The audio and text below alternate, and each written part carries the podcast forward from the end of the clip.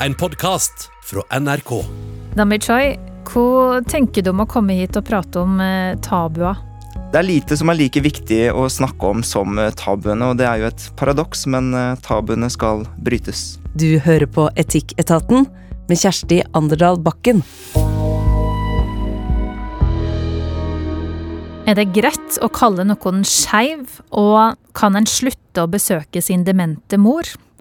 Her i Etikketaten i dag så har vi samla tre ulike folk som skal diskutere små og store etiske dilemma, og vi skal òg diskutere har vi en plikt til å bry oss om naboene våre. Vi skal altså inn i møtet mellom samfunnets forventninger og egne behov. Og her i panelet så sitter en som ikke er redd for å prate flertallet midt imot, og som gjerne provoserer med sine kommentarer, nemlig Danby Choi, redaktør i kulturavisa Subjekt. Svein Øverland er også her. Du har tydeligvis provosert, du òg, som eh, psykolog for de farligste og mest voldelige blant oss. Du har jo sagt her i Tikketaten tidligere at du nesten har mista huet bokstavelig talt flere ganger. Og så har vi med Anine Kierulf, navnet som mange forbinder med menneskeretter og ytringsfrihet, som du er ekspert på. Men hvem har rett til å bestemme at ordet skeiv ikke er greit å bruke? Men aller først, før vi skal inn i det, så skal vi diskutere det at mange av oss bruker psykiske diagnoser for å forklare hvordan vi har det. Um, Anine, hvis du har en dårlig dag, hvilke ord bruker du om det sjøl da? Nei, da sier jeg vel at jeg har en dårlig dag, og i dag, eller nå sto opp med galt ben, eller jeg kan bruke sånne uttrykk kanskje, eller jeg er lei meg. Eh, eller eh, nå er det litt mye, hender at jeg sier. Men eh, eh, ikke så mye sterkere enn det, tror jeg. Nei. Hvordan er det med det, Danby? Jeg uh, begynte å tenke litt på det nå. Um, pleier uh, jeg å havne i denne situasjonen? Um, når jeg gjør det, så um, det, Kanskje det er litt sånn guttete å ikke si uh, at det, det, går dårlig. Er ikke det Ja, for det eneste følelsene dere gutter snakker om i stereotypien, det er sinne. Riktig. Ja. Og, og det, det, alt det jeg synes tenker og mener, det vet jo alle uansett. De, det står der ute. Ja, for de, de leser deg? De leser meg. Ja, sånn ja. Som en, som en åpen avis? Som en åpen avis, ja. Hvordan er det med det, Svein, hvis du har en dårlig dag? Hvordan skildrer du det? Jeg er nok enig i det. Jeg må bare bekrefte det mannsidealet at det syter og klager klage vanligvis ikke så mye. Eh, for å være litt sånn slem i ordbruken min. Men uh, hvis uh, jeg kan si at det stresser, at en stressa dag, mm. det er både sosialt akseptabelt og en, en, en følelse som jeg, som jeg, i hvert fall ofte kjenner på kroppen. Da, ja. mm. Da skal vi ta og stupe inn i psykiske lidelser her i Etikketaten. Og hvis du som hører på har et dilemma, så send det gjerne taus på e-post. Adressa vår det er etikketaten krøllalfa nrk.no.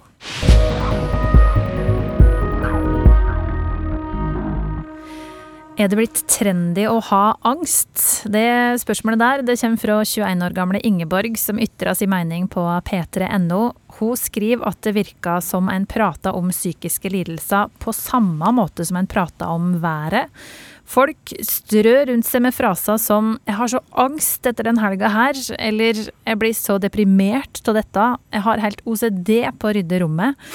Det går ikke én dag uten at Ingeborg ser noen legge ut et innlegg om egne psykiske lidelser på Instagram, Snapchat eller TikTok. Og med det så mener hun at psykiske lidelser blir en bagatell som ikke betyr så masse, og at det her pisser på de som har ordentlig problem og utfordringer med psyken sin. Å ha en dårlig dag, det er helt vanlig, mener hun. Du har ikke angst fordi du gruer deg til eksamen. Så det at vi tar så lett på å bruke ord som egentlig betegner omfattende psykiske lidelser, er det med på å fjerne tabu rundt å prate om psykisk helse, eller er det krenkende for de som virkelig er sjuke? Jeg går til psykologen først, Hva tenker du om det her? Eh, nei, altså, Utgangspunktet til psykologer er jo at de er mer tilbakeholdne med å diagnostisere uh, psykiske lidelser og hvordan folk har det enn folk flest. Det, det ser vi. Uh, og de fleste psykologer også reagerer på vegne av pasientene sine, for det er en del pasienter som sier sånn fuck you, liksom. Det er jo sånn tilsvarende å si at du har brekt foten din, og så vet du hvordan det er å ha hele livet i rullestol. At det kan være litt respektløst. Så jeg, jeg, forstår det, men jeg tror nok at de fleste som bruker de ordene fullt klart å, klarer å skille mellom å ha en ordentlig psykisk lidelse og en dårlig, dårlig dag. At det rett og slett er latskap, at de bare bruker det ordet som er nærmest eh, panna. Så jeg er ikke så bekymra for det.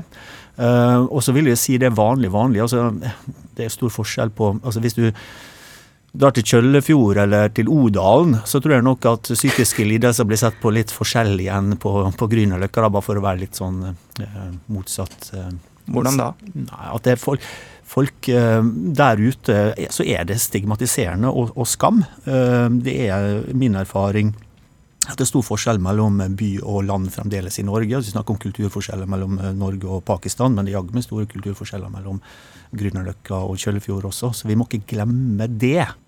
Er du enig med Ingeborg Danby at um, det har blitt trendy å ha angst? Jeg er jo fra Eller jeg er jo i denne generasjonen som bruker disse ordene veldig mye.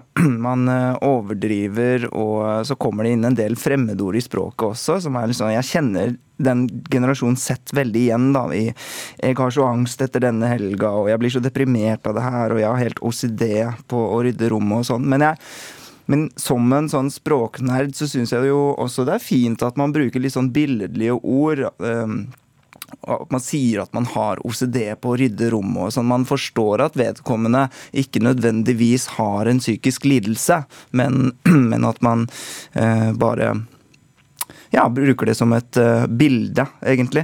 Uh, men så tenker jeg jo til det etiske dilemmaet her, om, om, det, om det, bidrar til noe godt osv., eller om det kanskje bidrar til det verre, så tror jeg det på ulike uh, måter og i ulike situasjoner kan slå be uh, ut begge veier, da. Folk med OCD, det er jo fint kanskje for enkelte at det blir en sånn en kjent psykisk lidelse, at mange vet hva det handler om. Uh, og så er det jo litt moro at man, man det, man bruker det egentlig ikke på en stigmatiserende måte. Man sier jo mest om seg selv at nå, nå, jo, nå er jeg så ryddefantast at, uh, at jeg kanskje har OCD. Jeg syns det er litt inkluderende, Ja. Men hva tror du formålet er med at uh, generasjon Z overdriver sånn? Nei, jeg vet ikke. Kanskje de har sett for mye på TV. Mm. Uh, kanskje det er språket og det effektive språket som man ser på TV osv. Man eh, kommuniserer jo så mye og så fort i dag, og ord byttes ut og eh, hele tiden. Eh, så det gjelder å bruke det vide vokabularet som vi har, kanskje. Jeg vet ikke.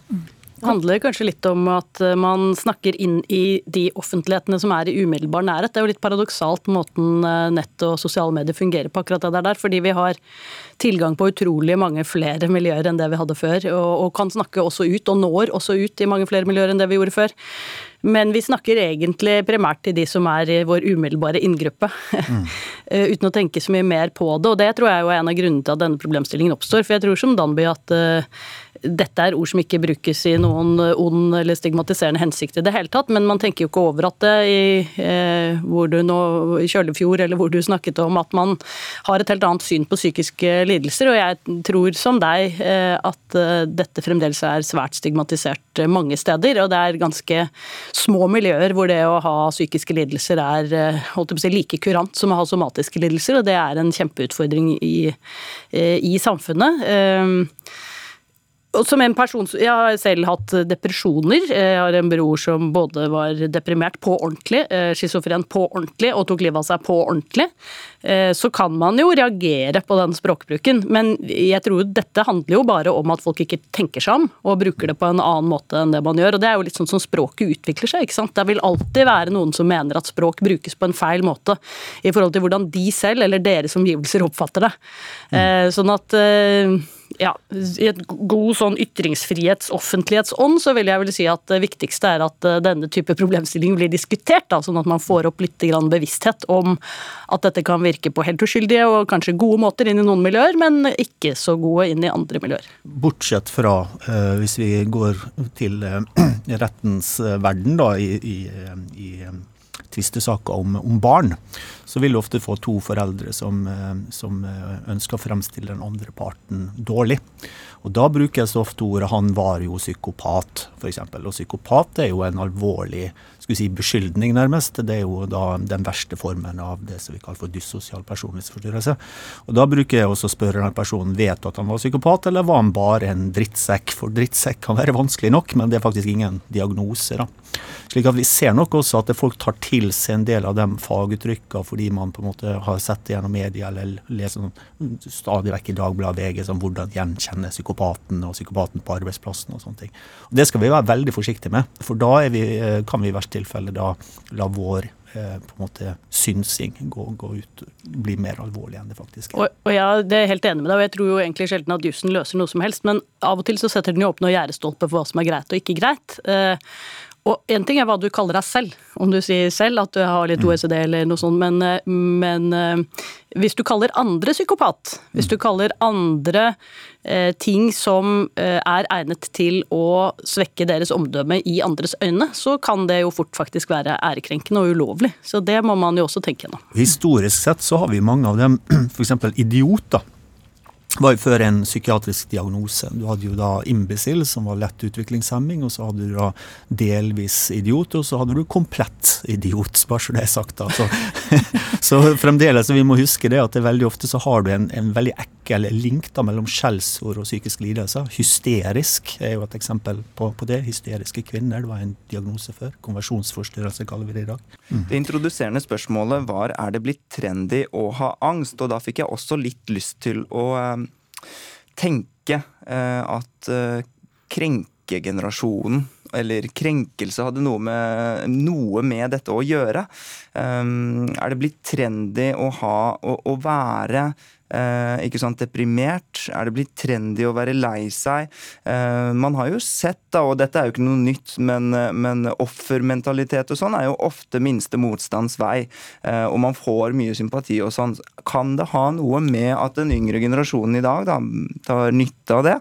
At man bruker sånne ord, gjerne diagnoser, bare for å mm. eh, For enkelt å slippe unna noe. Altså Det som vi ser har sett lenge, da, er jo at noen personer kobler da til sin psykiske lidelse til identiteten. Det er ofte det som er problemet. At folk sier f.eks. 'jeg er en selvskader' istedenfor 'jeg sliter med selvskading'. Mm. Og at det på en måte blir en så integrert del av identiteten at det gir en slags mening. det gir en slags, Du, du på en måte får en forklaring på hvorfor du har det, og det på en måte gir en identitet. Det er ofte det som Apropos, det kan også være negativt. Tilsvarende sier at eh, 'jeg er anorektisk', eh, eller 'jeg er schizofren', istedenfor 'jeg har en schizofreni'. Så jeg tror vi skal være mer opptatt av det mer enn at Altså, det kan være skadelig. For det er mye vanskeligere da å hjelpe en person å slutte med selvskading hvis han har en identitet som selvskading. For hva er jeg da hvis jeg slutter å skade meg? Så jeg vil være mer bekymra for det enn krenkinga, eller at det er trendy. Det, det, som sagt, det, det, det, tror jeg noen personer i visse livsfaser kan synes det er trendy, men, men eh, jeg tror ikke det er det største problemet. Det skaper jo flere likes å si du har angst på, på Instagram og si at du har det litt kjipt for tida. Absolutt. du får i hvert fall likes i én eller tre dager, men jeg tror ikke det nødvendigvis har noe effekt etter to år. for å si sånn. Nei, det var det. Men uh, Ingeborg har jo uh, enda et poeng her og skriver at vi må normalisere følelsesregisteret vårt uh, i større grad, og ikke kalle en, det å ha en dårlig dag for er deppa. Danby, som er vårt generasjon Z-alibi, er du enig i at ungdom må trene seg litt mer på å se at det her er helt normalt? Ja, men jeg tror altså noen eh, luringer vil komme til å ta denne snarveien uansett. fordi poenget er å overdrive, sant. Poenget er å misbruke språket. Poenget er å eventuelt bare bruke språket. Eh, og, og hvis, med, med, mindre ordet har noe kraft, så kommer man ikke til å bruke det. Og det, de kommer til å ta eh, disse snarveiene. Men det er klart at man Men det er jo bedre språkbruk å, eh, å uttale seg presist. Eh, men du skjærer nok ikke gjennom eh, blant vennegjengen eller i offentligheten for den del, om du skulle komme med en eh, mild Ja, er du helt sikker på det? Altså jeg tenker nok at disse, og det er vel kanskje det hun er litt opptatt av også, at man vanner ut disse begrepene. Mitt inntrykk er iallfall, og da tenker jeg bare på sånne sosialmediale poster av den typen, de som beskriver hva de opplever og hvordan de har det, fremfor å bare slenge ut et sånt deprimert eller OCD eller et eller annet sånt ord. De som faktisk sier i dag jeg, jeg klarte nesten Jo. ikke å stå opp, og så forklarer de egentlig hvorfor. De bruker flere ord, selvfølgelig, men det opplever jeg mye mer intervju. mye Jo, men på meg også. Også vi som er gode på språk, vil jo gjøre det. Men jeg tror det er en sånn hestesko her. At, eh, at eh, de som eh, De som ikke Eller Dunning-Kruger-graf. Ja, og det er da jo mindre du vet, jo mer skråsikker er du. ja, nettopp. Og jo mindre vokabular du har, jo mer eh, vil du bruke Overdrive, kanskje. Ja, vi er tilbake i de gamle prosedyremanusene hvor det i margen sto svakt argument, hev stemmen. Ja, nettopp. nettopp. Jeg, jeg tror, ja, men det er, det og jeg, ikke for å si dette ikke for å, Men altså, vi snakker jo om unge folk. Du hører ikke 'Å, jeg har så OCD om dagen', altså, blant de eldre generasjonene. Så kanskje kan Altså, det gå dette sier min mor aldri, selv om hun rydder. Nei, nettopp. Så man snakker om uh, unge som har til felles det at uh, man kanskje overdriver, men også har et litt uh, mindre vokabular. Ja. Bortsett fra jeg hørte en på 40 år som sa sånn Du er jo helt Marie Kondo. Hva er det? Det er, er hun som eh, var veldig mye på Netflix en, en periode. Så jeg vet ikke. Det blir jo et empirisk spørsmål da, å se om disse 14-åringene fortsetter med den begrepene når de er 50 år. Så vi får møtes eh, da igjen, tenker jeg. Ja, Fordelen er jo at de antakeligvis da bare kommer til å snakke engelsk. Ja. Vi skal ta og forlate den eh, skrantende psykiske helsa og bevege oss over til pliktene her i Etikketaten. Og her sammen med meg, som heter Kjersti Anderdal Bakken, er det Svein Øverland som sitter. Psykologen som sitter og øser av sin kunnskap og erfaring i møte med etiske dilemmaer. Sammen med jurist Anine Kierulf og redaktør Danby Choi. Og nå skal det handle om eh, naboskap. Men bare kjapt først, hvilket forhold har du til naboene dine, Danby? Um, nå bor jeg i, et sånn, i en sånn seksjonsbolig med tre andre. Jeg vil si at det er veldig bra, men eh, de er veldig mye bortreist, og det syns jeg er herlig. Så, så um, jeg bo, har jo bodd i mange sånne uh, leilighetskomplekser før, og da vil jeg ikke si at jeg var noe særlig delaktig i disse dugnadene og sånn. Det her uh, føres over på um, Hans, som har sendt oss et dilemma til etikketaten krøllalfa nrk.no, som han håper at eh, vi kan hjelpe han med. Han skriver Jeg er en fyr som bor alene i ei leilighet i en ganske stor by. Jeg er travel med jobb, er data og møter venner og familie. Leiligheten min blir derfor ei frisone der jeg kan samle krefter. Problemet mitt er at naboene ser annerledes på det her.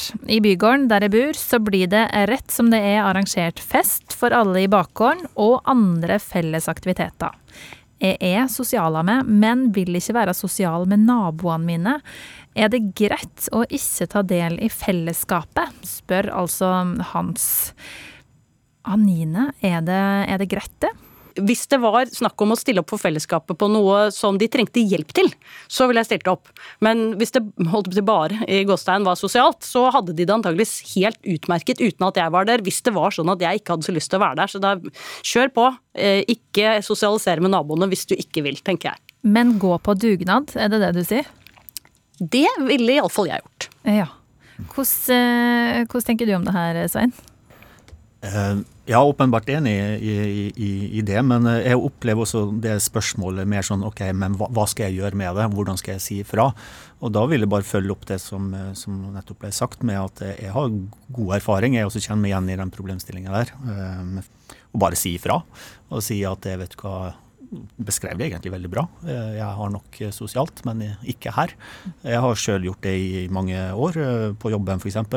Så har det vært slik at jeg må ha med kake når man har bursdag. Det har jeg jo tydelig sagt fra til at det er ikke jeg med på. Jeg kan ikke lage kake, og jeg har ikke noe behov for å gi folk en kake når jeg har bursdag. Eh, Men da må du stå i og være litt eh, rar, da. Litt ja, annerledes. ikke sant? men du er jo rar og annerledes, så det tenker jeg er jo en ærlig posisjon å, å ha. Og så må du bare gjenta det. Og det som skjer da, er at folk etter hvert slutter å bry seg.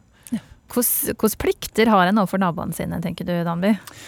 Jeg mener jo at eh, det er riktig at man skal stille i dugnad og sånn, men jeg må jo innrømme at eh, jeg selv, som har bodd i mange sånne leilighetskomplekser eh, opp gjennom, veldig sjeldent har blitt med på disse. Og da er jo jeg en av de mange, eller alle, som tenker at man gjør et eller annet viktigere. ikke sant? Jeg sitter sjelden hjemme og titter ut av vinduet på det, men, men man tenker, man, det er alltid et eller annet som kommer foran, og det er jo et Et annet etisk dilemma jeg syns det er interessant å snakke om man skal eh, om man eh, har forpliktelser til det nære først, eller til det man opplever som stort. Da. For eksempel, eh, det kan, jeg er jo ganske ofte i dette studio, og det, eh, det kan fort krasje både at jeg sitter i, et NRK-studio, og at jeg har en dugnadsavtale i, i eh, bakgården. Eh, og, og jeg vet ikke, det er ikke nødvendigvis riktig at jeg prioriterer å sitte her. Det kan godt være eget, eh, eget eh, motiv som har grunn til at man velger NRK i stedet for, eh, for det etiske, altså. Eh, Men Du kunne markert kalenderen din som opptatt når det er dugnad. ja, og, og jeg, jeg mener Jeg har sikkert vurdert det slik at NRK er så viktig at jeg til og med eh, sender en e-post og sier at jeg ikke kommer på dugnaden allikevel. Det er rart du blir invitert ofte når du sier sånn. Jo, men, men jeg syns det er det er noe sånn Apropos etikk og sånn, det er ehm, det er jo et eksempel som er som hvis du har et barn da, på skolen, og så er dere fattige og lever under fattigdomsgrensen, og han eller hun blir mobbet på skolen for ikke å ha et par fotballsko, og så har du 500 kroner igjen på konto. Så skal du da donere de 500 kronene til Afrika? Blir det riktig, liksom? Det her er veldig vanskelig. Og når det gjelder det eksempelet til eh, han som bor i denne bygården, da, så, så, eh, så vil jeg nok svare nei på spørsmålet som handler om eh, om han plikter å være sosial og være med på disse festene, fordi at det egentlig ikke er noe de kan forvente, eller som koster dem noe. Da du begynte å lese opp dette dilemmaet, så trodde jeg det skulle handle om at han var kjip og ba dem være stille, eller et eller annet Ja. sånt. For det, det, er en, det er et annet etisk eh, spørsmål, fordi da kan man begynne å trekke inn er det noe menneskerettighet å bo i bygård, og må du bo i blokk, og må du bo i på, det er by? ikke det. Nei, ikke sant? ja, nettopp. Her har vi jo, her har vi jo fasiten selv. Men, men, men, men det er ikke det. Han vil bare ikke, Han bryr seg ikke engang om at det er støynivå ikke sant, hos naboen. naboen. Eh, og det syns jeg er å, å betale en eh, høy nok pris til at de skal i hvert fall respektere han minst like mye tilbake, da. Ja, jeg skal ikke uttale meg om etikk eller loven her, men i hvert fall det, som jeg tenker, er at jeg, igjen, jeg, jeg tolker spørsmålet som hva skal jeg gjøre med det? Og jeg vil si ja, men si ifra. Vær ærlig på det. Uh, jeg har god erfaring med å si ifra. Veldig mange folk er redd for å si ifra. Senest i går så var jeg på, uh, på flyplassen og satt på, på loungen, og det var noen folk som hadde fått seg litt for mye pils, så jeg skulle jeg var tross alt på jobb, så jeg satt og gjorde noe jobb, så da gikk jeg bort til dem og ba dem om å dempe seg litt. Og jeg så folk skvatt rundt meg, men de sa OK, og så dempa de seg faktisk litt. Så det å si fra på en ryddig måte, og ikke sånn eh, men på en ordentlig måte, eh, folk tar det stort sett veldig bra. Og det er en, en skill du gjerne kan trene på, for du vil trenge, trenge den mange ganger i løpet av livet ditt. Men er det ikke eh, taktisk lurt til hans å investere litt i det sosiale i denne bygården? Hvis han f.eks. Eh, brekker en fot og bor i femte etasje ute av heis og trenger noe hjelp, så eh, står jo han på bar bakke hvis han ikke har tatt del i fellesskapet. Hva tenker du om det, Danby? Eh, Det finnes noen forskningsartikler som eh, i ren taktisk ånd, som du nevner, eh, beviser at eh, samarbeidsvillige folk kommer lenger, fordi at de mest sannsynlig vil trenge en annen eh, senere. Eh, Så av taktiske grunner så burde han absolutt delta, ja. Ja, altså da tenker nok jeg at selv den mest grinebite, kjipe naboen min, som ikke deltar på veldig mye, eh, jeg hadde hjulpet til å bære han ned eh, hvis han hadde brukket foten. Altså det er noe med liksom grader av behov her, tenker jeg. Ja, men nei, du ba jo, hjalp jo ikke meg med den handleposen den gangen, så du får sitte der oppe. Ok, der er du. Nå har du et problem. Ja. Men han skal altså gjerne si fra om at han har tatt det her verdivalget. Jeg Er ikke sosial med Dikkon, men den her eh, dugnaden Um, skal han si fra om den også, Svein, om at jeg blir ikke med på den? Eller skal han bare finne seg i at det må jeg? Jeg er nok så gammeldags at jeg tenker at det må han være med på.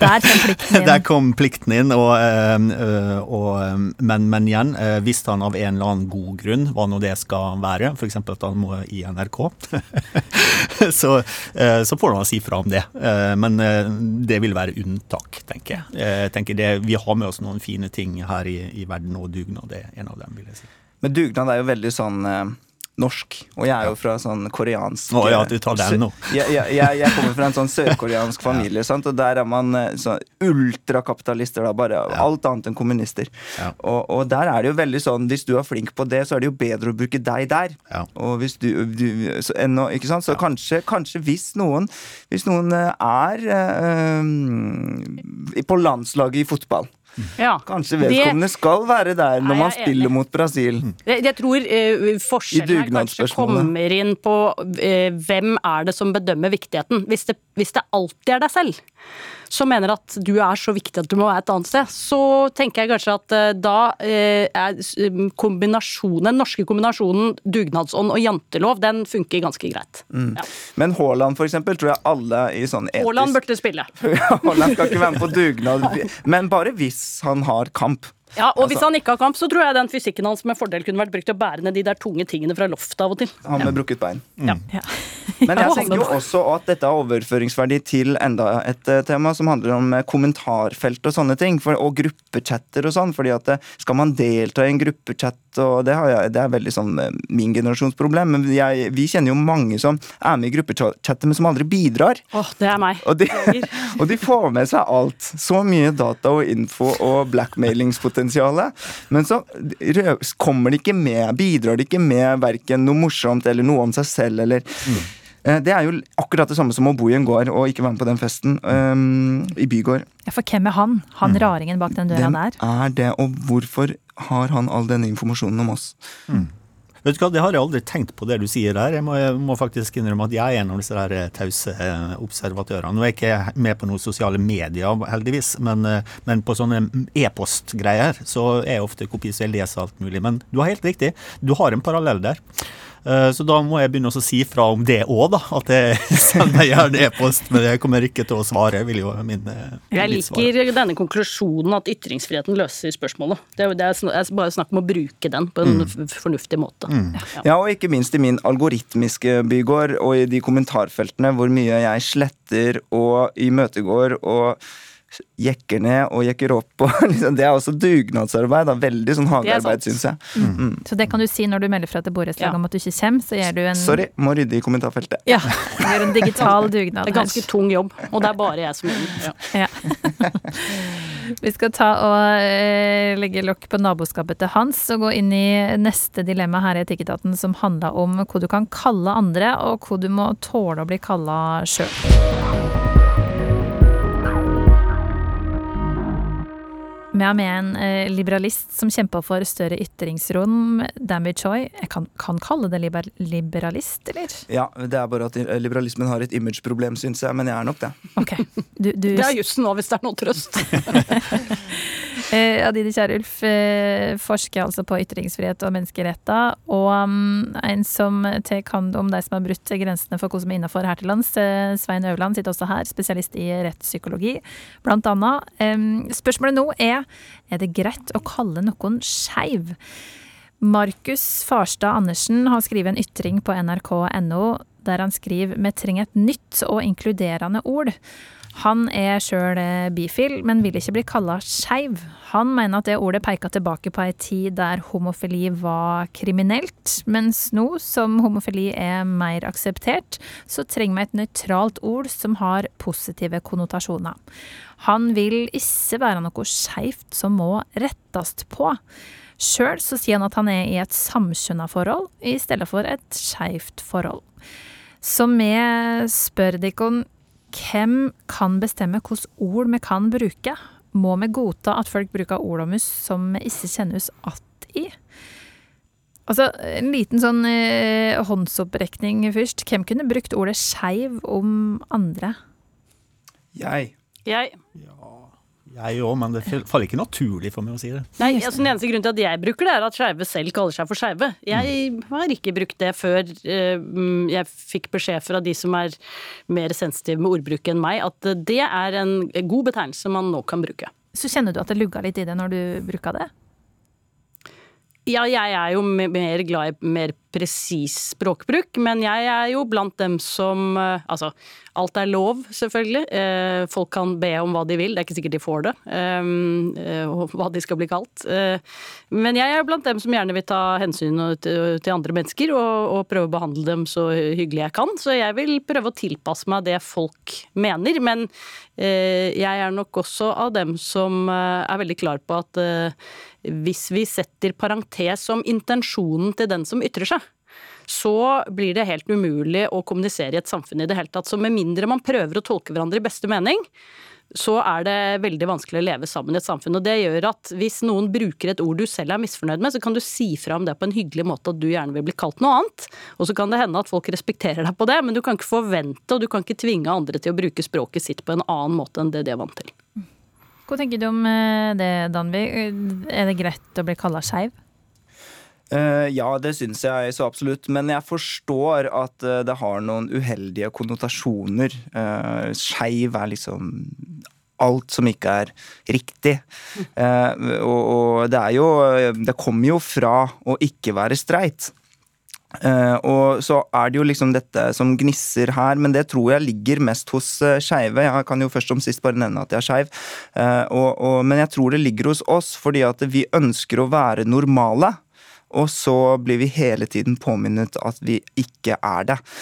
Men jeg syns det er mye man skal leve med her i livet, da, og mye man skal tåle. Og, og innse også, ikke minst, vi er jo ganske, et, altså en ganske stor minoritet etter hvert, at det, det, vi er ikke således så unormale. Men skeiv er jo et samlebegrep. ikke sant? Og for ikke å glemme, da, FRI sin ungdomsorganisasjon kaller seg jo Skeiv Ungdom.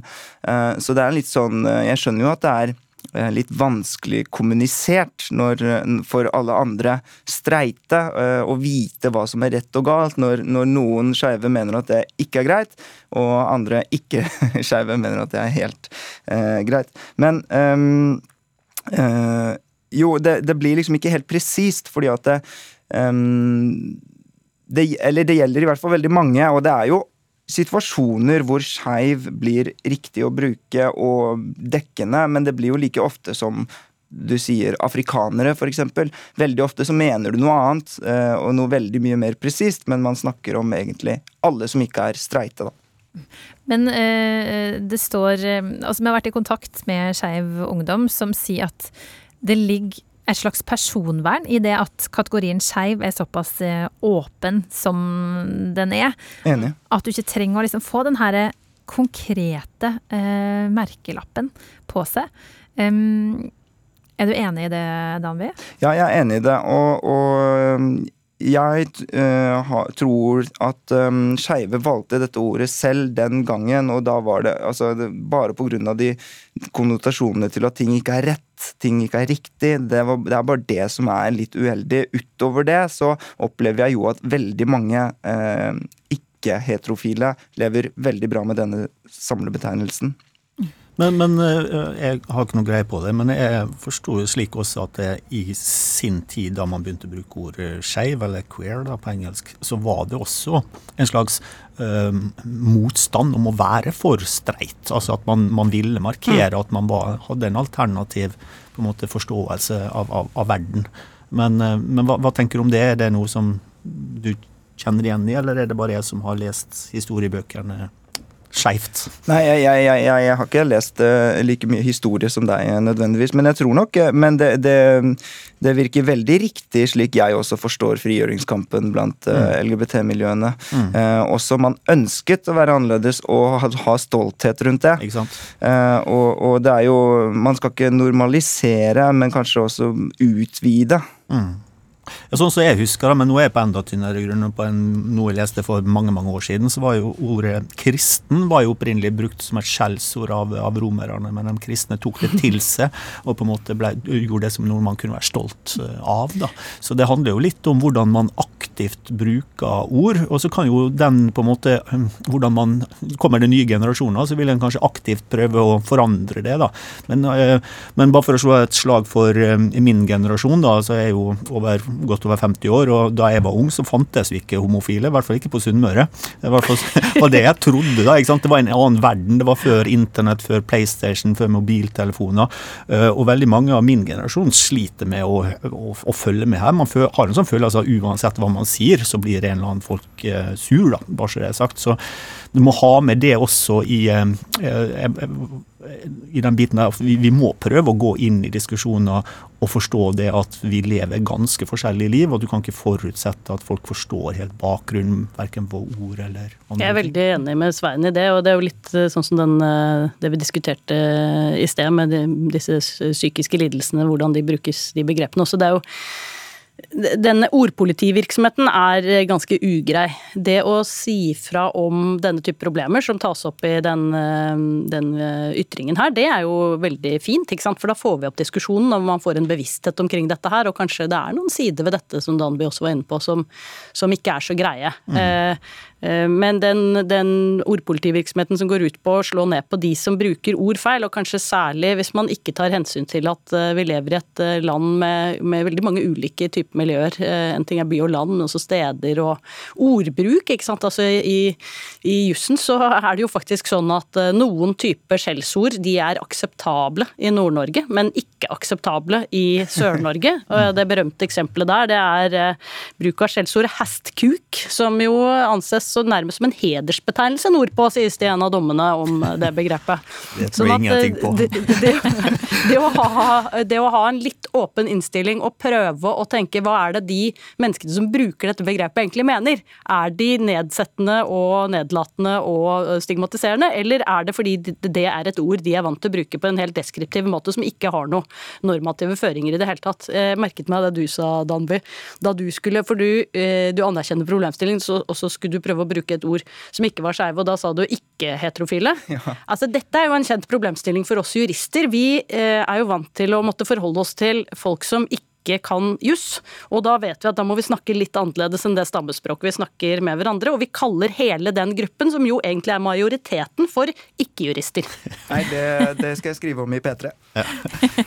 Nei, men jeg, jeg, mener jo at uh, dette ingen At det ikke er noen ond hensikt her, og, og, og at um, skeiv inntil videre er et ord som ikke misbrukes slik heller. Mm. Uh, man har mange ord om i hvert fall funksjonshemmede, f.eks., som er et ord som skiftes ut ganske ofte mm. her i NRKs ordbøker deriblant.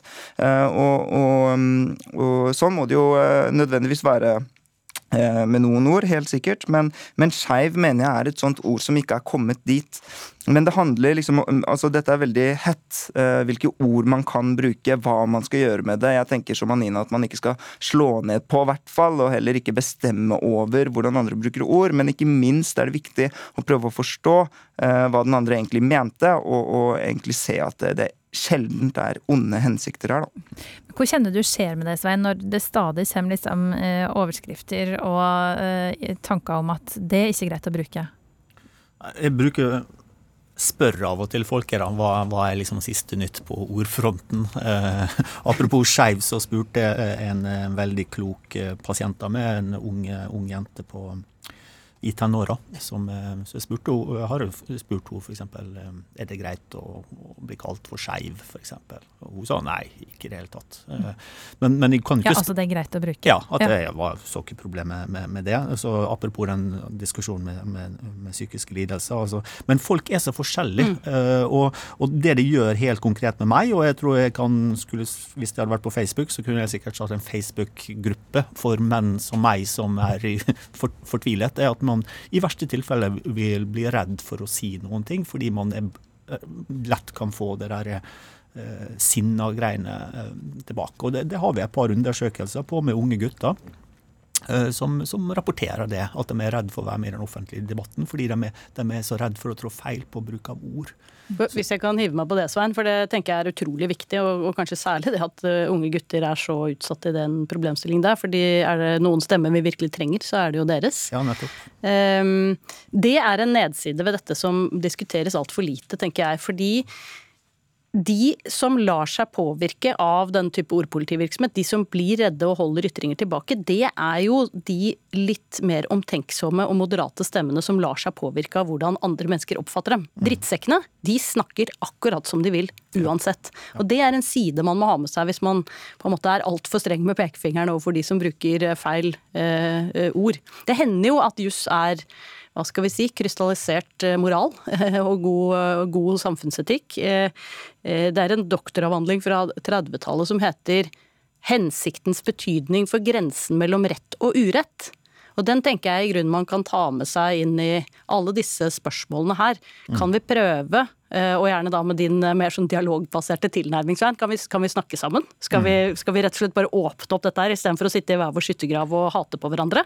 Skal vi si du, når du sier det der der, så føler jeg dette.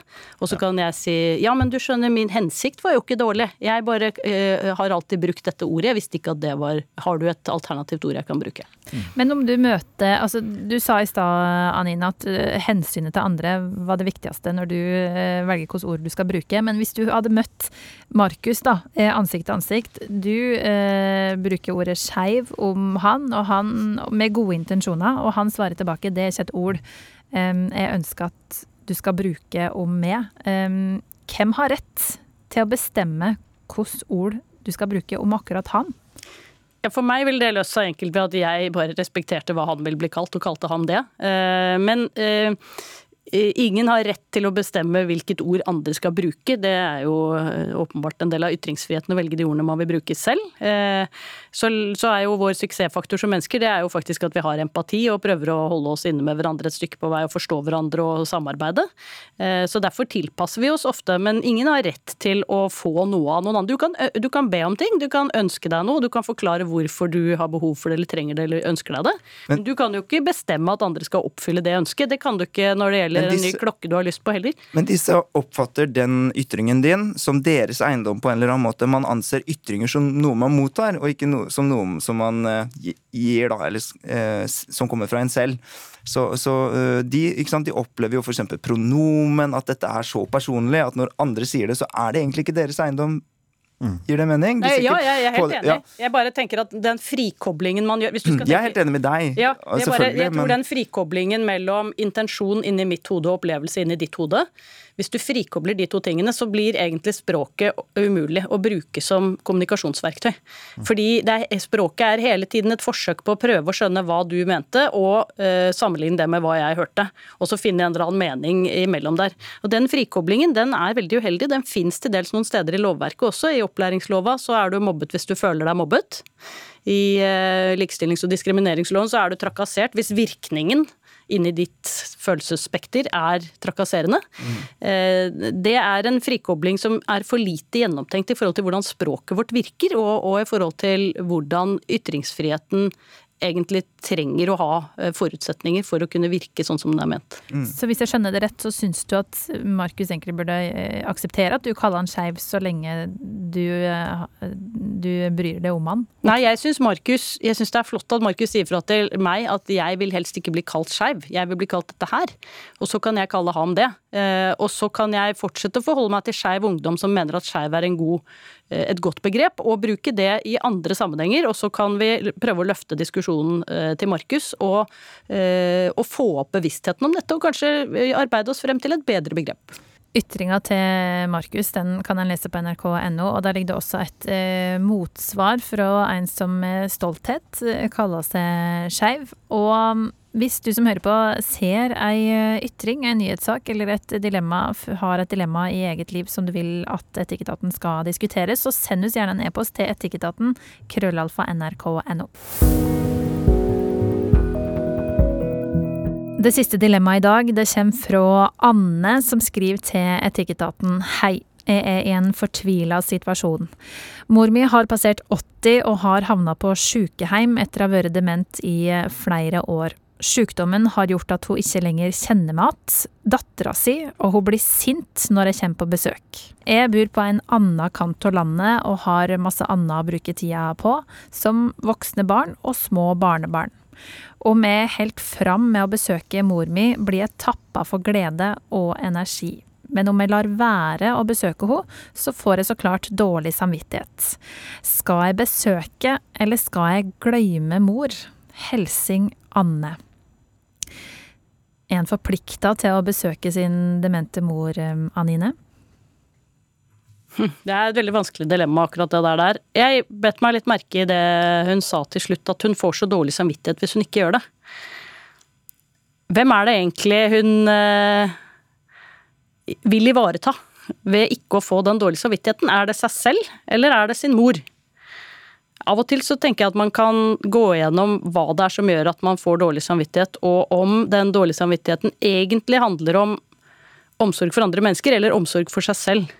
Nå er jeg langt inne i dine enemerker sikkert, eh, Svein her, for dette er jo psykologi kanskje, men, eh, men eh, når man skal prioritere hva man skal gjøre eller hva man har forpliktelser Jeg tenker jo i utgangspunktet at det å hedre sin mor og far står ganske høyt på listen, med mindre de har liksom oppført seg helt forferdelig på en eller annen måte.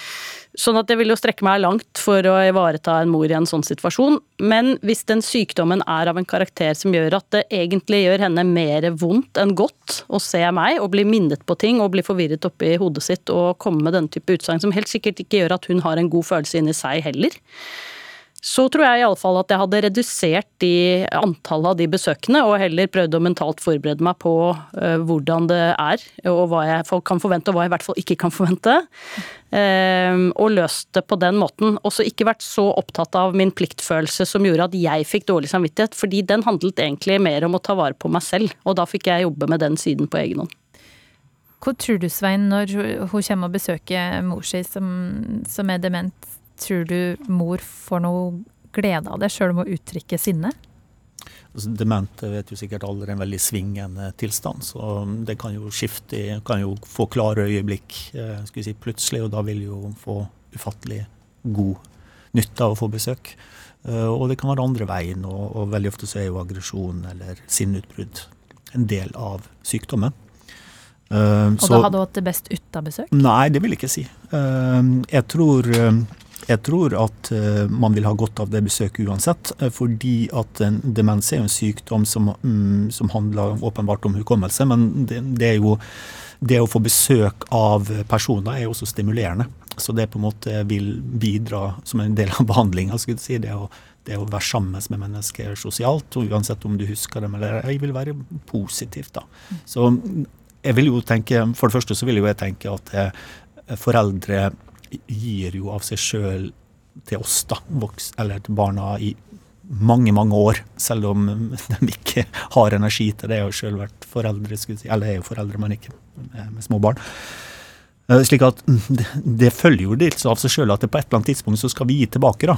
Og det er jo veldig ofte når, eh, når, eh, når våre foreldre trenger pleie av oss. da. Så det tenker jeg, der må vi rett og slett forberede oss på at det kommer til å the bills are due to be paid på et eller annet tidspunkt. Så der eh, slår eh, budet i Bibelen inn hos det, at du skal hedre din far og mor? Ja, eh, det vil jeg si. Og, og hedre her vil jo være praktisk. At du må gi av deg sjøl, selv, selv om ikke det er noe hyggelig, og tåle dritt. Akkurat som mor di sikkert tålte en del dritt når du føk ut og sa fuck you og kom dritings tilbake, og hun måtte vaske opp spy.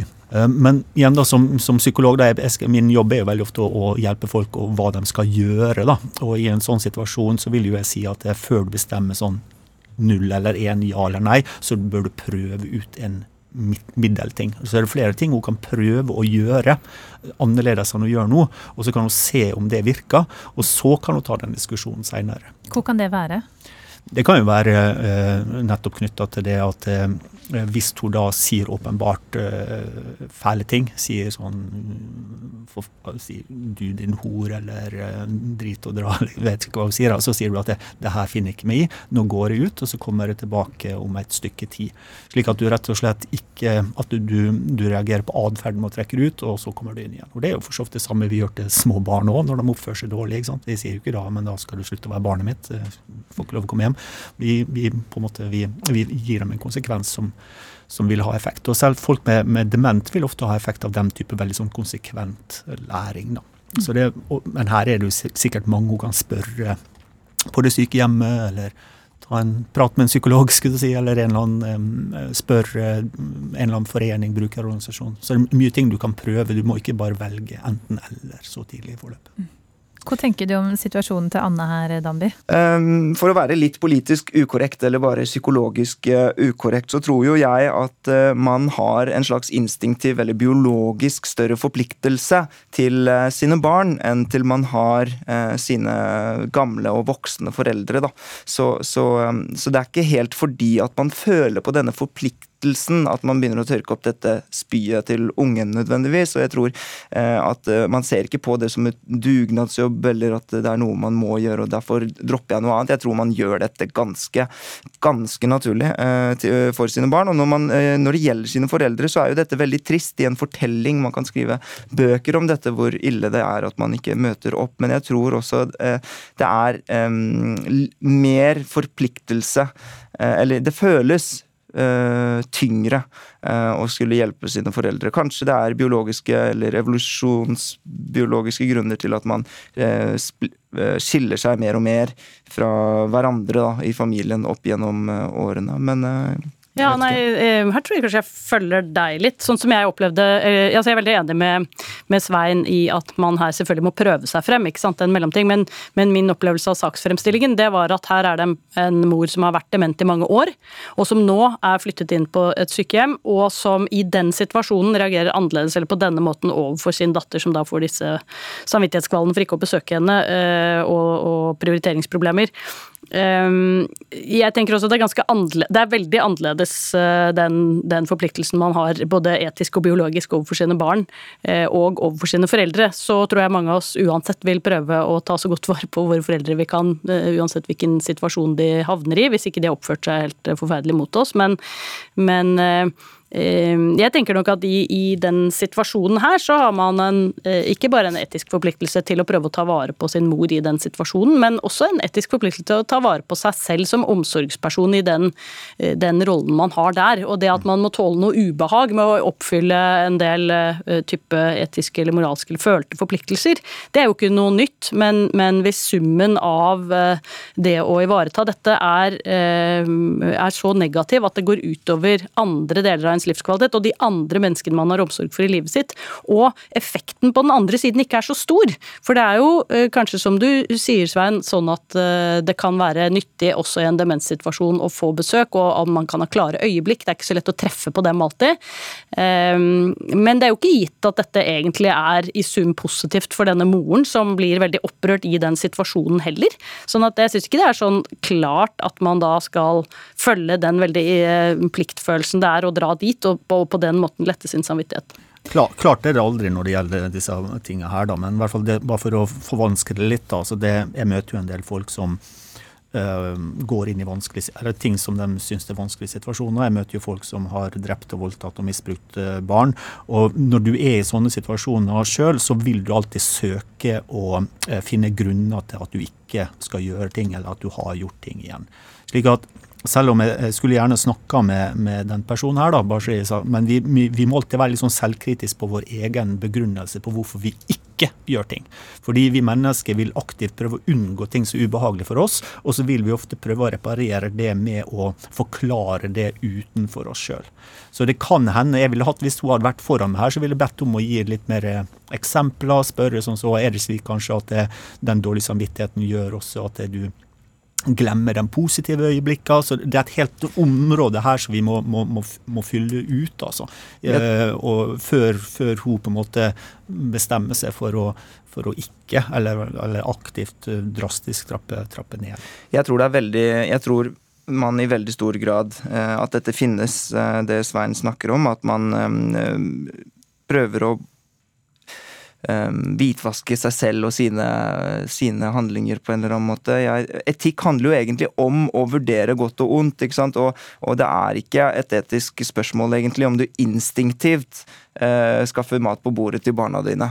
Eh, ikke sant? En hund vil jo aldri være ond eller god mm. fordi vedkommende ikke re reflekterer over dette. Så det er vel egentlig hver gang du får dårlig samvittighet, at det er en eller annen etisk dimensjon eller moralsk dimensjon innblandet i dette. og Derfor vil denne også oppstå mye oftere um, i forhold til din mor enn i forhold til din datter, vil jeg tro, i veldig mange situasjoner. Og um, denne demensen kan nok også være veldig lett å skylde på. Mm. Uh, og, og, um, og, i en sånn situasjon hvor man tenker at man har viktigere ting å gjøre, men den dårlige samvittigheten kan jo også være litt sånn påkledd og litt påtrådt når man tross alt har sykehjem og tross alt har um, alt annet. Så jeg, jeg, ikke, det, jeg syns denne er den vanskeligste her. Ja, jeg, her tror jeg kanskje at jeg er litt preget av sånn uh, um, ikke spekulere i faktum. Jeg bare forholdt meg til det som ble mm. sagt, jeg. Ja.